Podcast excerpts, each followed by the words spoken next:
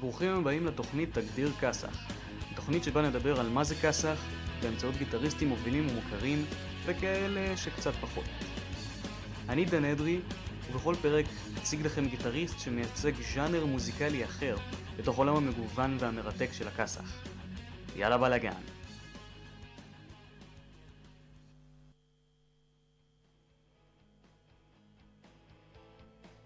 הפרק של היום עוסק באינגוי מלמסטין. נדבר עליו, על הז'אנר שהוא מייצג ועל ההתנסות שלו עם דונלדס. כמו כן תהיה היום גם את פינת נחש את האומן, שבה אתם המאזינים תוכלו לנחש מהבית את האומן הבא.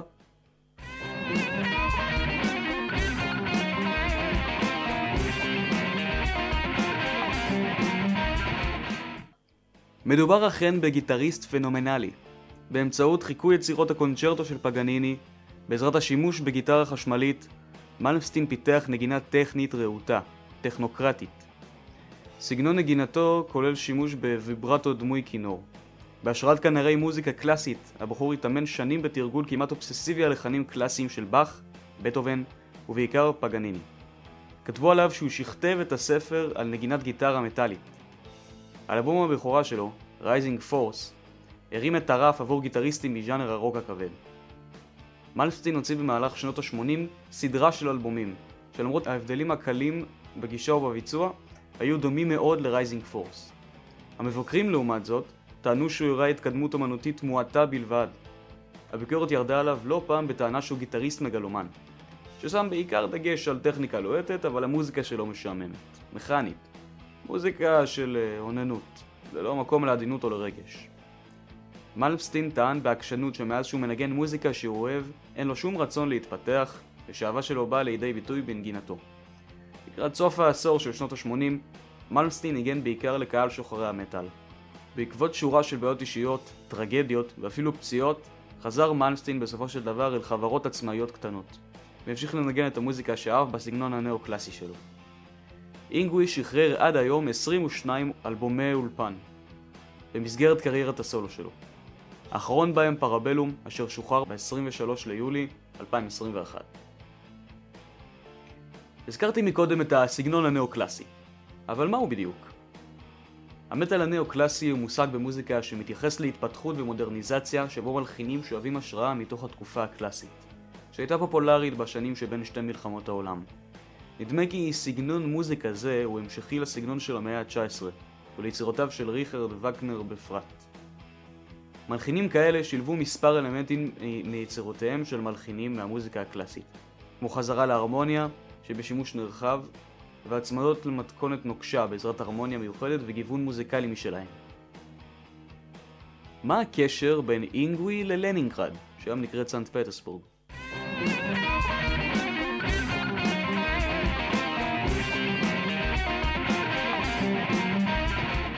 האלבום שהוקלט במהלך מספר הופעות בסנט פטרסבורג, לשעבר לנינגרד, בפברואר 1989 בברית המועצות, מסכם את תקופת השיא של מלמסטין, הכוללת ארבעה אלבומי הסולו הראשונים שלו ששוחררו בין השנים 1984 עד 1988.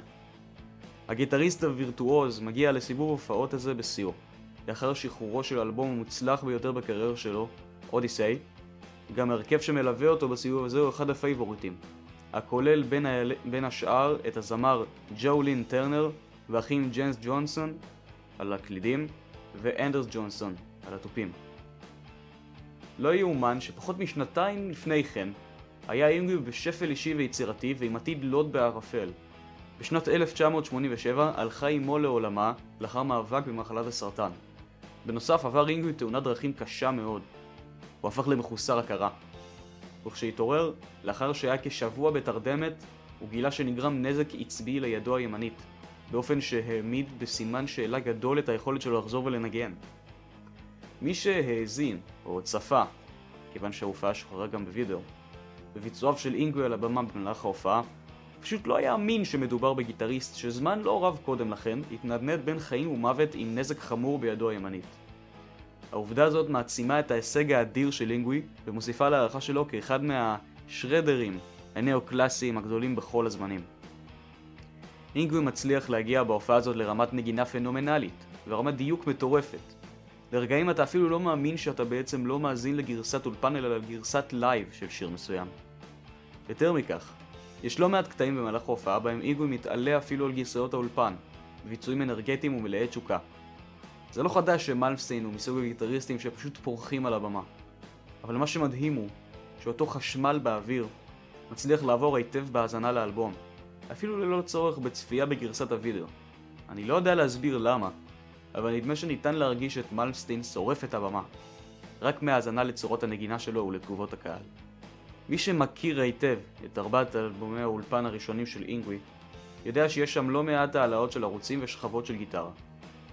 מלפסטין מצליח למלא את החלל הזה בעזרת ההרמוניות שמנגן הקלידן ג'יימס ג'ונסון, כפי שבין היתר ניתן לשמוע בבירור בדקה 2 ו-20 של הביצוע לקטע האינסטרומנטלי Black Star, הלקוח מאלבום הבכורה Rising Force. גם הוא אלבום מצליח. מכירים את הקטע הזה בהופעות כשהלהקה מציגה עיבוד מחודש לשיר מסוים ואתם ממש מצפים לשמוע משהו שיהיה הכי קרוב לגרסת האולפן?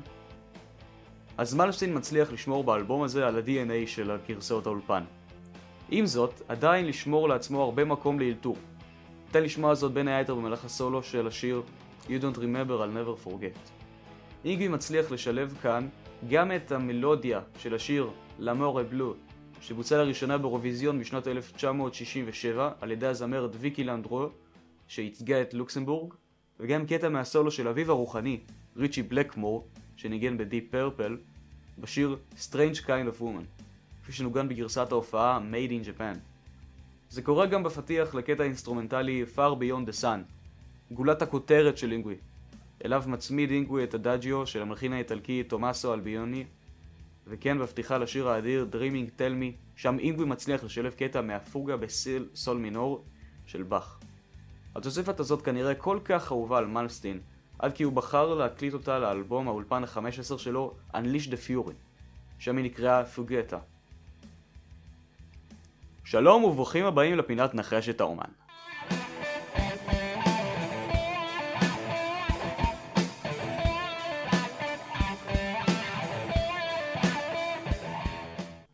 בפינה הזאת תוכלו אתם, המאזינים, לנסות לנחש את האומן הבא. האומן הבא שלנו הוא גיטריסט, ונחשב לאחד מאבות המייסדים של heavy metal. הוא גדל בוורמינגהם, בבריטניה, ואיבד את קצות אצבעותיו. ובכל זאת הצליח להמשיך ולנגן, והקים את מה שנקראת להקת המטאל הראשונה בכל הזמנים. אז מה הקשר של אינגוי מלמסטין לדונלדס, אתם שואלים? מדובר על סרטון שאחד מפועלי הבמה, במקום שבו אינגוי הופיע, עלה לאינטרנט. בסרטון ניתן לראות את דימבק דרל, הגיטריסט של פנטרה, גם כן גיטריסט מעולה, מציע לאינגווי דונאט. אינגווי השיב בשלילה, ולאחר מכן כשדרל שאל את אינגווי כשדרל שאל את אינגווי אם הוא בטוח, הוא השיב לו שהוא לא אוהב פאקינג דונלדס. כשאינגוי נשאל לגבי התקרית הזאת, הוא הכחיש הכל, אבל הסרטון עדיין קיים ומציג דמות רוקסטאר מתנשאת קלאסית. ובכן, הגענו לסוף התוכנית הראשונה. מקווה שנהנתם, ואולי אפילו נהנתם מאוד. נתראה בקרוב, בפרק הבא. התוכנית הופקה במסגרת לימודי הרדיו של מגמת התקשורת בקריית החינוך גינסבורג, יבנה. כאן כל יבנה.